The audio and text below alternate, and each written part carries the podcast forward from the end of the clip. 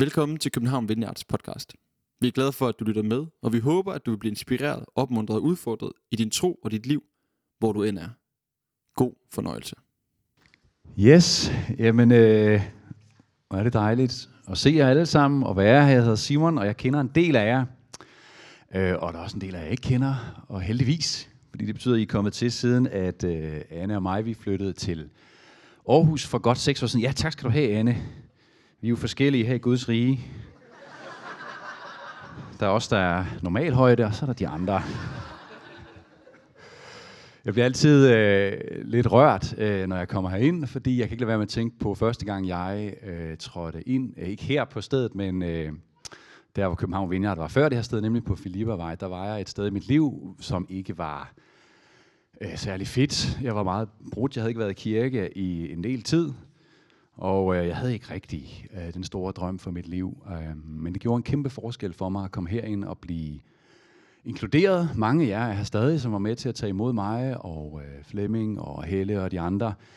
Hasse, som var der, Maria, som var der, tog imod mig og kunne se noget i mig, på trods af, at jeg ikke synes, der måske var så meget selv at se. Og øh, jeg kan bare til at tænke på det, der jeg lige snakkede med Christian Maget, min gamle ven, vi snakkede lige om jazzpianist øh, lige her før, som vi har til fælles. Og jeg spillede nemlig jazz på det tidspunkt, da jeg startede her i kirken. Jeg gik på konservatoriet og var ved at blive uddannet øh, jazzpianist. Og det er sådan, når man spiller jazz, det ved jeg ikke, hvis nogen er inde i det, så vi I vide det, ellers kan I snakke med Christian om det, at der må man godt se sådan lidt mærkeligt ud i hovedet, når man spiller.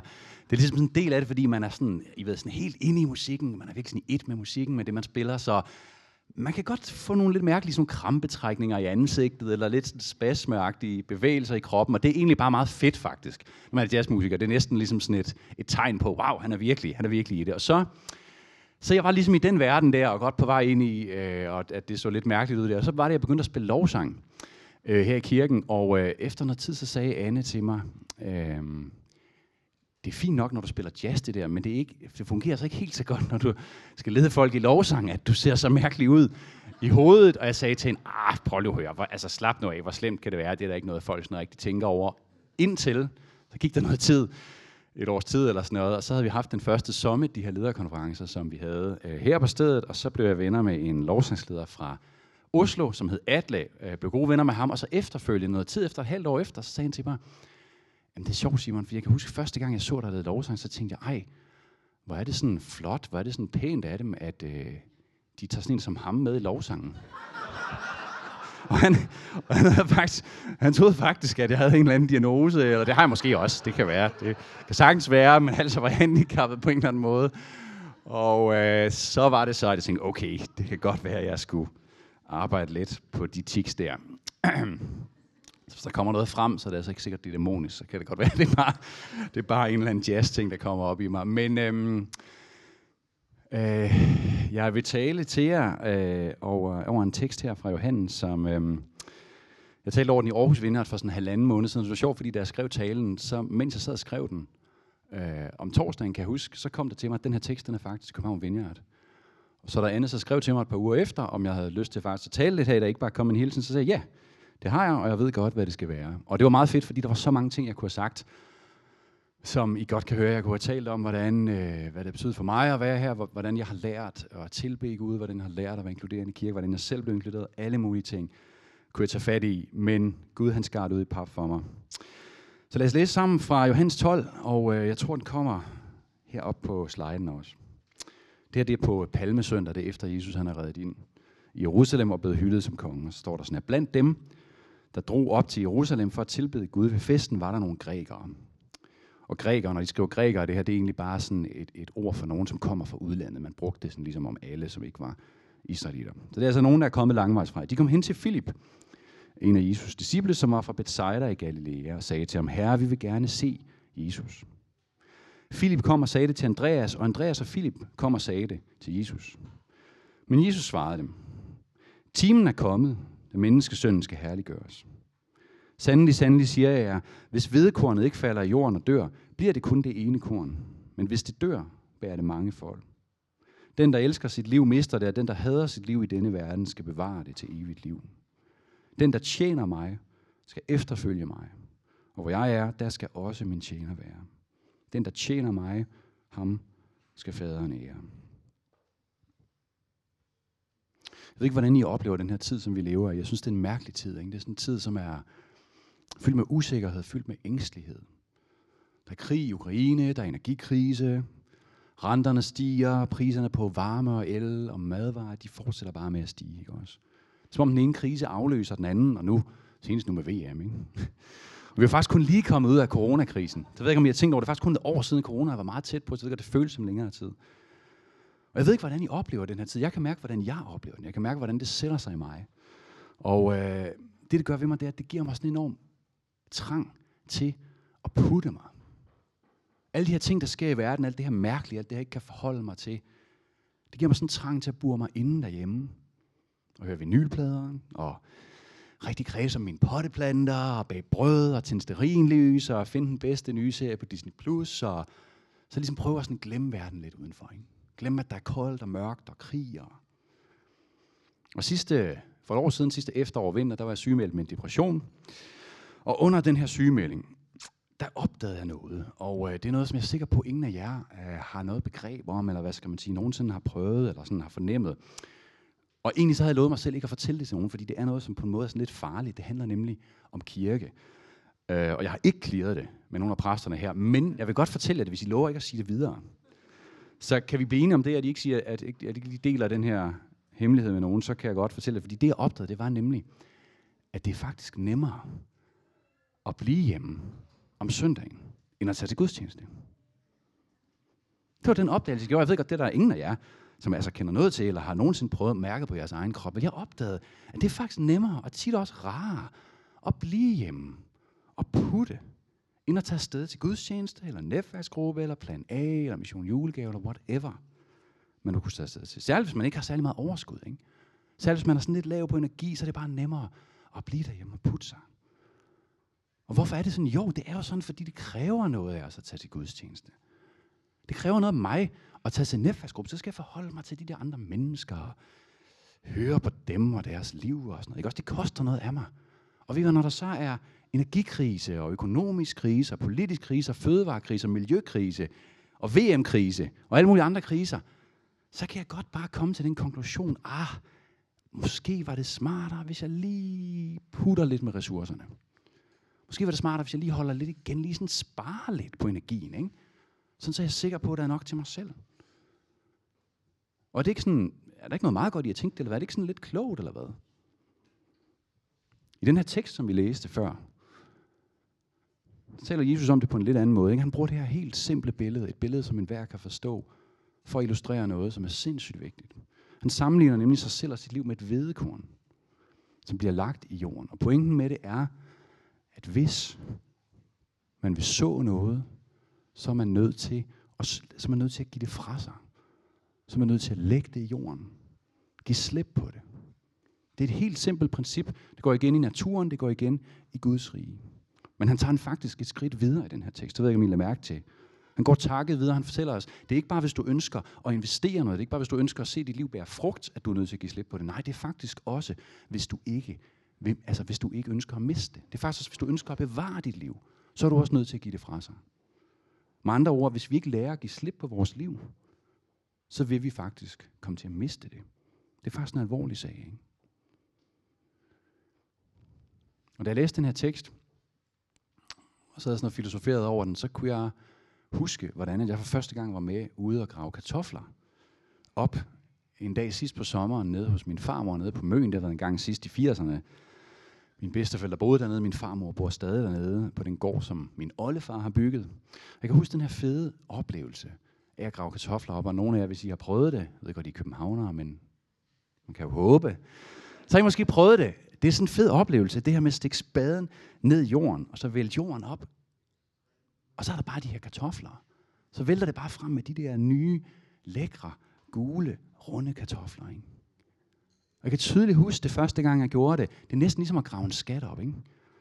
Men så kan jeg også huske, hvordan at efter vi havde gravet en masse af de her lækre nye kartofler op, så kom der også en anden kartoffel med op. En kartoffel, som så helt anderledes ud.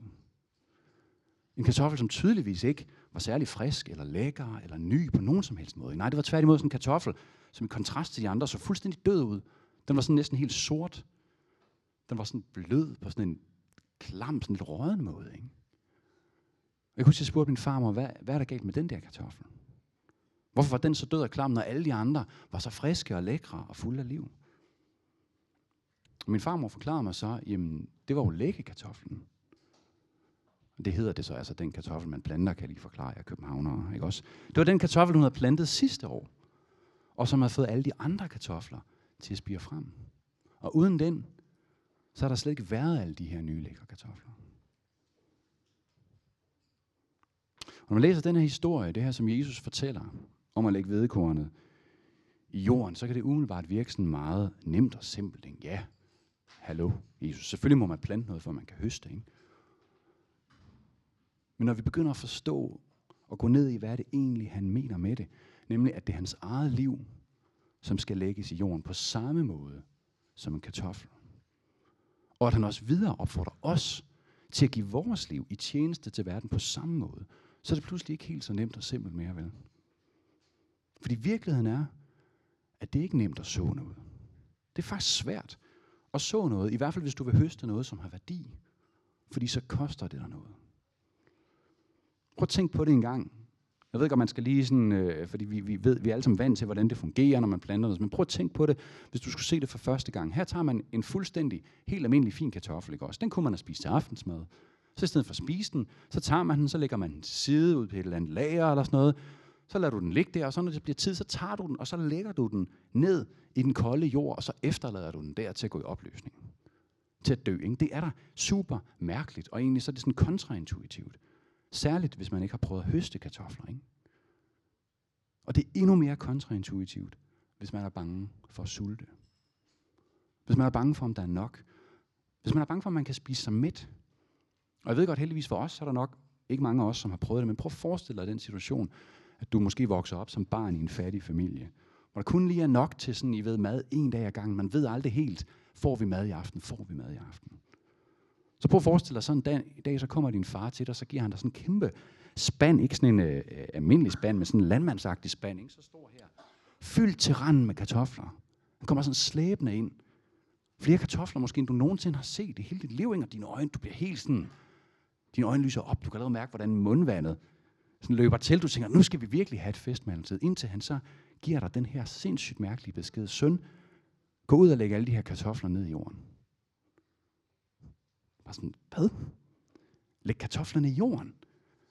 Jeg ved jo ikke engang, om der er mad nok i aften. Jeg ved ikke, om jeg bliver mæt i dag. Jeg er jo sulten, far. Hvorfor i alverden skal jeg gøre det her? Så står det der, at alle de der kartofler i spanden, som du nu har fået besked på at lægge ned i jorden, de har faktisk stået ude i skuret i al den der tid. Kartofler, som kunne have været serveret til aftensmad. Det kunne have været en buffer, det kunne have været sådan en sikkerhed, som kunne garantere, at du ikke havde behøvet at være bange for, om der var mad nok. Altså, hvad i alverden er meningen, far? Under du mig ikke at blive mæt? Prøv at tænke på, hvor rart det havde været for mig at vide, at vi havde det her kæmpe lager af kartofler liggende. Hvorefter din far ville kigge på dig og sige, søn, jeg ved godt, at du har været bange for at gå sulten i seng. Men hvor mange gange har du reelt gjort det? Har jeg ikke sørget for dig? Jeg kan mærke på mig selv, at i den her tid, vi lever i, så er det så oplagt at tænke ligesom den her dreng. Det er så nemt at komme til at sidde fast i sådan et mindset af frygt. Frygt for, om der er nok. Og så ind med bare hamstre, hamstre, hamstre til os selv. Fordi knapheden er så tydelig rundt omkring os. Og inden i os, det også. Vi har ikke tid nok til os selv og til vores familie. Vi har ikke penge nok til os selv. Vi har ikke varme nok. Vi har ikke energi nok. Hverken elektrisk eller mentalt. Eller sådan kan det føles i hvert fald. Og når man har det sådan, så er det bare så nærliggende at putte sig med det, man har fået givet. At putte sig med det, man har fået givet, i stedet for at putte det, man har fået givet i jorden. Jeg ved ikke, om I fik. At putte sig med det, vi har fået givet, i stedet for at putte det, vi har fået givet i jorden. Og det, der er interessant i den her tekst, jeg synes, I skal gå hjem og læse den, som vi læste før i, i sammenhæng også til efterfølgende, det er, at Johannes han tager os med helt tæt på Jesus i den her tekst. Vi får virkelig et indblik i Jesus sindstilstand. Fordi her kommer de her to udlændinge, som er kommet rejsende langvejs fra. De kommer for at se Jesus. Ikke også? Det, det er nærmest som om, de kommer sådan og beder om en audiens. Så snakker de med Filip, så snakker han med en anden, og så går de sammen til Jesus. Og man ved ikke, om de nogensinde får lov til at møde Jesus, fordi han begynder bare at snakke om den her, den mærkelige kryptiske udmelding om det her med vedekornet. Ikke? Det er super mærkeligt, øh, at han begynder at snakke om det. Hvorfor svarer han ikke på det, de spørger om? Hvorfor gør han det? Jeg tror, Jesus han gør det, fordi han ved, at han står over for en skillevej. Fordi han var nået rigtig langt på det her tidspunkt. Han var nået virkelig langt med menneskelige øjne. Han er lige reddet ind i Jerusalem på Palmesøndag, var blevet hyldet af tusindvis af mennesker som konge.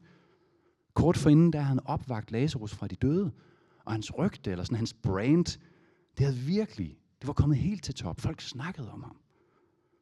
Han var kommet så meget til top, at nu kommer der at kunne hjælpe mig. Folk rejsende langvejs fra og beder ydmygt om at komme i audiens. Jesus er nået virkelig langt på det her tidspunkt, set med menneskelige øjne. Måske så er han også lidt træt. Måske har han været en lille smule træt af at bare blive ved med at give ud. Giv ud, giv ud til mennesker. Måske han længtes lidt efter bare at stoppe op. Bare lige sætte sig ned og slappe af. Bare sådan sige, jeg, kan ikke, jeg, tager lige en, jeg trækker mig lige, jeg tager lige en sabbat. Sig som fem år. Eller, ikke? Sådan hvile lidt på laverbæren, og var det ikke meget fortjent på en eller anden måde. Han kunne nyde livet lidt, putte sig lidt. Sammen med sine bedste venner måske. Jeg synes, Johannes tager os helt tæt på Jesus i den her tekst, lige umiddelbart efter det, vi læste herinde. Så siger Jesus sådan her. Nu er min sjæl i oprør, og hvad skal jeg sige? Fader, frels mig for denne time. Nej, det er derfor, jeg er nået til denne time. Fader, herliggør dit navn. Jeg tror helt seriøst, at Jesus lige her mærker den samme fristelse, som vi mærker. Fristelsen til at putte sig. Fristelsen til at tænke, jamen nu har jeg vist også gjort mit. Nu har jeg vist givet nok. Nu har jeg vist lidt nok. Men Jesus han vinder over fristelsen, ikke også? Hvorfor? Jo, fordi han er drevet af noget, som er dybere end hans trang til at putte sig. Ja, han har drevet noget, som er endnu dybere end der end hans frygt for at miste sit liv. Han ved godt, hvad der står foran. Fordi Jesus var nemlig drevet af en kærlighed, som var større end døden. Og han ved, at kun ved at give sit liv væk, kun ved at give alt, hvad han har, der kan han vinde det, han længes efter. Han siger det til sidst i den her tekst, gå som sagt hjem og læs det i helhed. Når jeg er blevet ophøjet fra jorden, siger han, vil jeg drage alle til mig. Vil jeg drage alle til mig. Det er det, han længes efter. Det er hans kærlighed til os, det er hans kærlighed til verden. Og Jesus vidste, at kun ved at gå hele vejen og give sig selv fuldt ud, så kunne han vinde det. Og selvom du og jeg ikke er Jesus, vi er ikke kaldet til at ofre vores liv på samme måde som ham. Der var et kors, som kun han skulle bære, ikke også? Men vi er alligevel kaldet til at leve i efterfølgelse af ham. Vi er til at leve med hans levemåde som eksempel. Der er også et kors til os. Fordi selvom Jesus gik hele vejen og fuldendte sit kald på korset, ikke også, så er historien alligevel ikke afsluttet. Historien er faktisk ikke afsluttet endnu, og du og jeg, vi er med til at skrive den historie. Hver dag af vores liv får vi lov til at skrive videre på den historie. Fordi vi er inviteret med i hans fantastiske projekt, som handler om at drage hele verden, alle mennesker, ind til Gud igen. Og den måde, vi bruger vores liv på, og hvad vi gør med det, vi har fået givet, det gør rent faktisk en forskel. Det har en betydning. Og er det egentlig ikke det, vi længes efter? Når alt kommer til alt, og det hele, alle de der overflade ting på en eller anden måde falder ned. Når vi sidder der en dag på plejehjem, eller hvor vi sidder, ikke også? Er det ikke det, vi længes efter, at vores liv har haft en eller anden form for betydning? At vi har været mennesker, som ikke bare har levet for os selv. At vi får lov til at leve liv, som er fyldt med mening og glæde og tilfredshed og taknemmelighed. Fordi vi har fået lov til at tage del i noget, som er langt større end os selv.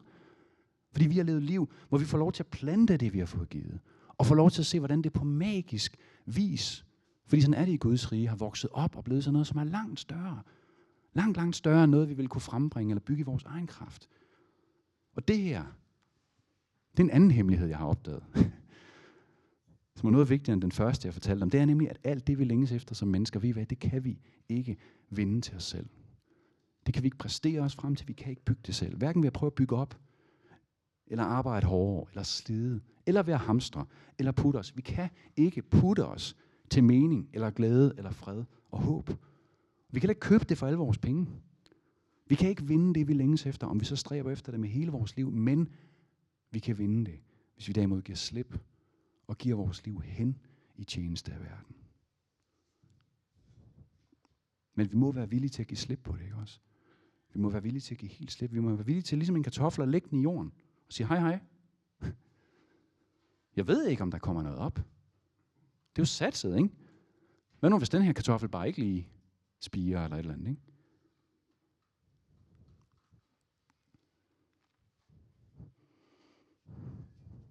Jeg tror bare, jeg tænker, 25 år, det er godt gået, og jeg ved, som vi lige har hørt både Flemming og Emil og Anne fortælle om, I ikke, I ikke ved at være færdige. I ikke ved at hvile på laverbane. Men jeg ved bare, der kan, jo ældre I ved, tingene bliver, og ligesom sådan, der er den her fristelse. Jeg tror, det er det, jeg har haft lyst til at dele med jer i dag. Ikke? Også fordi det kunne være fristende at tænke, jamen er det ikke fint nok? Prøv at kigge jer rundt. Er det ikke, ser det ikke flot ud? og kig på Danmarkskortet. Er det ikke nok? Seks andre kirker i Danmark. Har vi ikke nået nok? Har det ikke været, kor- altså, har det ikke været hårdt nok i hidtil? Har vi ikke lidt nok? Og jeg har så bare for at sige, nej, I har ikke lidt nok. ja, og så tager jeg hjem igen. Og så. I har ikke lidt nok. Ved I hvad, der er så meget mere lidelse foran jer. tillykke, tillykke. Men ved I hvad? Det gode ved det er, at det er ikke meningsløs lidelse. Det er ikke meningsløs lidelse. Nej, det er den lidelse, som er fyldt med mening, ikke også? Og som kommer, når vi ligesom Jesus opgiver vores liv, når vi lægger os selv i jorden og giver os selv til fællesskabet og til verden, som I lige har gjort, mand, med den der indsamling. Hold da op, jeg var ved at falde ned af stolen. Godt gået. Det er jo der, det sker, ikke også? Det er, når vi giver ud af vores tid, af vores venskaber, vores ressourcer, af vores penge, på trods af, at vi er bange for, om der er nok til os selv. Det er, når vi vælger at tage til gudstjeneste og inkludere andre, inkludere nye, selvom vi egentlig er trætte og godt kunne have brugt en søndag formiddag derhjemme. Ikke? Eller når vi tager os af et sygt barn, eller måske en syg forælder, selvom vi egentlig har for travlt til det. Eller det er, når vi vælger at lade os stoppe op midt i vores hverdag, hvor vi alle sammen har alt for travlt og sådan noget, fordi der pludselig er et eller andet menneske foran os, som faktisk har brug for en snak. Der har brug for, at vi beder for dem. Eller det er, når vi vælger at sætte en hel dag eller en hel uge af i december, som er den travleste måned på hele året, ikke? også til at møde trængte mennesker med et smil og med en snak og en bøn og en julegave. Sådan som vi skal i den her uge. Og det er, når vi forlader vores venner og familier, vores jobs og vores kirker, og rejser til en anden del af landet eller verden, for at være med til at plante nye kirker. Sådan som mennesker, som ikke kender Jesus endnu, kan få et møde med den levende Gud. Ikke også? Blive mødt af et varmt, inkluderende fællesskab, ligesom det, der er her. Jeg er sikker på, at Jesus har så meget mere til jer. Jeg ved det. Og han har så meget mere til København og til det her land, og I spiller en rolle i det. Og jeg ved godt, at I allerede adskillige gange er blevet puttet i jorden som en kartoffel. Og jeg ved godt, I har smagt de ofre, og den død, som følger med, når man sender for eksempel hundredvis af mennesker ud til at plante kirker rundt om i Danmark. Men I kan også se ud på Danmark lige nu og se den fantastiske frugt, som jeres ofre har banet vejen for. Jeg lavede sådan en lille pædagogisk kartoffeleksempel. Jeg ved ikke, om det fungerer her på jeres nye skærme. Men øh, kan billedet der, Danmarks billede komme op? Det kan det. Der har jeg det. Ja, okay, det er svært at se, men altså i de rådne, de klamme kartofler. Kan I se det? Er det ikke opmuntrende? Er det ikke? Det var det. Jeg ved det. Ved I hvad? Jesus har så meget mere fantastisk, han ønsker at gøre igennem jer. Og når jeg siger jer, så er det altså dig, som sidder her, ikke også? Fordi det er dig, som er København Vineyard. København Vineyard er ikke en eller anden organisation, vel? Eller præsterne. Det er dig, som sidder her. Der er så mange mennesker, som han ønsker at møde. Han ønsker at drage alle ind til sig. Og prøv en gang at tænke på, hvad der sker, hvis nu vi andre kirker lærer at gøre det samme. Hvis du tager, if you take the next slide. Ja. Kan I se det? Men ved I hvad vejen hen til det her, vejen hen til det, vi drømmer om, sådan som Flemming snakkede om, den er brolagt med dine og mine ofre. Vejen hen til det her, vi drømmer om, det som Gud drømmer om, den er banet af vores villighed til at blive lagt ned i den kolde jord og dø som en kartoffel. Sådan er det bare. Præcis ligesom livet fra Gud kommer til os igennem Jesu kærlighedsoffer. Så hvad ved I? København Vineyard, vi putte jer med det, jeg har fået givet, eller vi putte det, jeg har fået givet i jorden? Tak fordi du lyttede med. Vi håber, du går herfra med fred i hjertet og mod på mere. Du kan finde mere fra København Vineyard på Facebook, Instagram og vores hjemmeside. Du skal vide, at du altid er velkommen i vores kirke på Nyvej 7. God dag.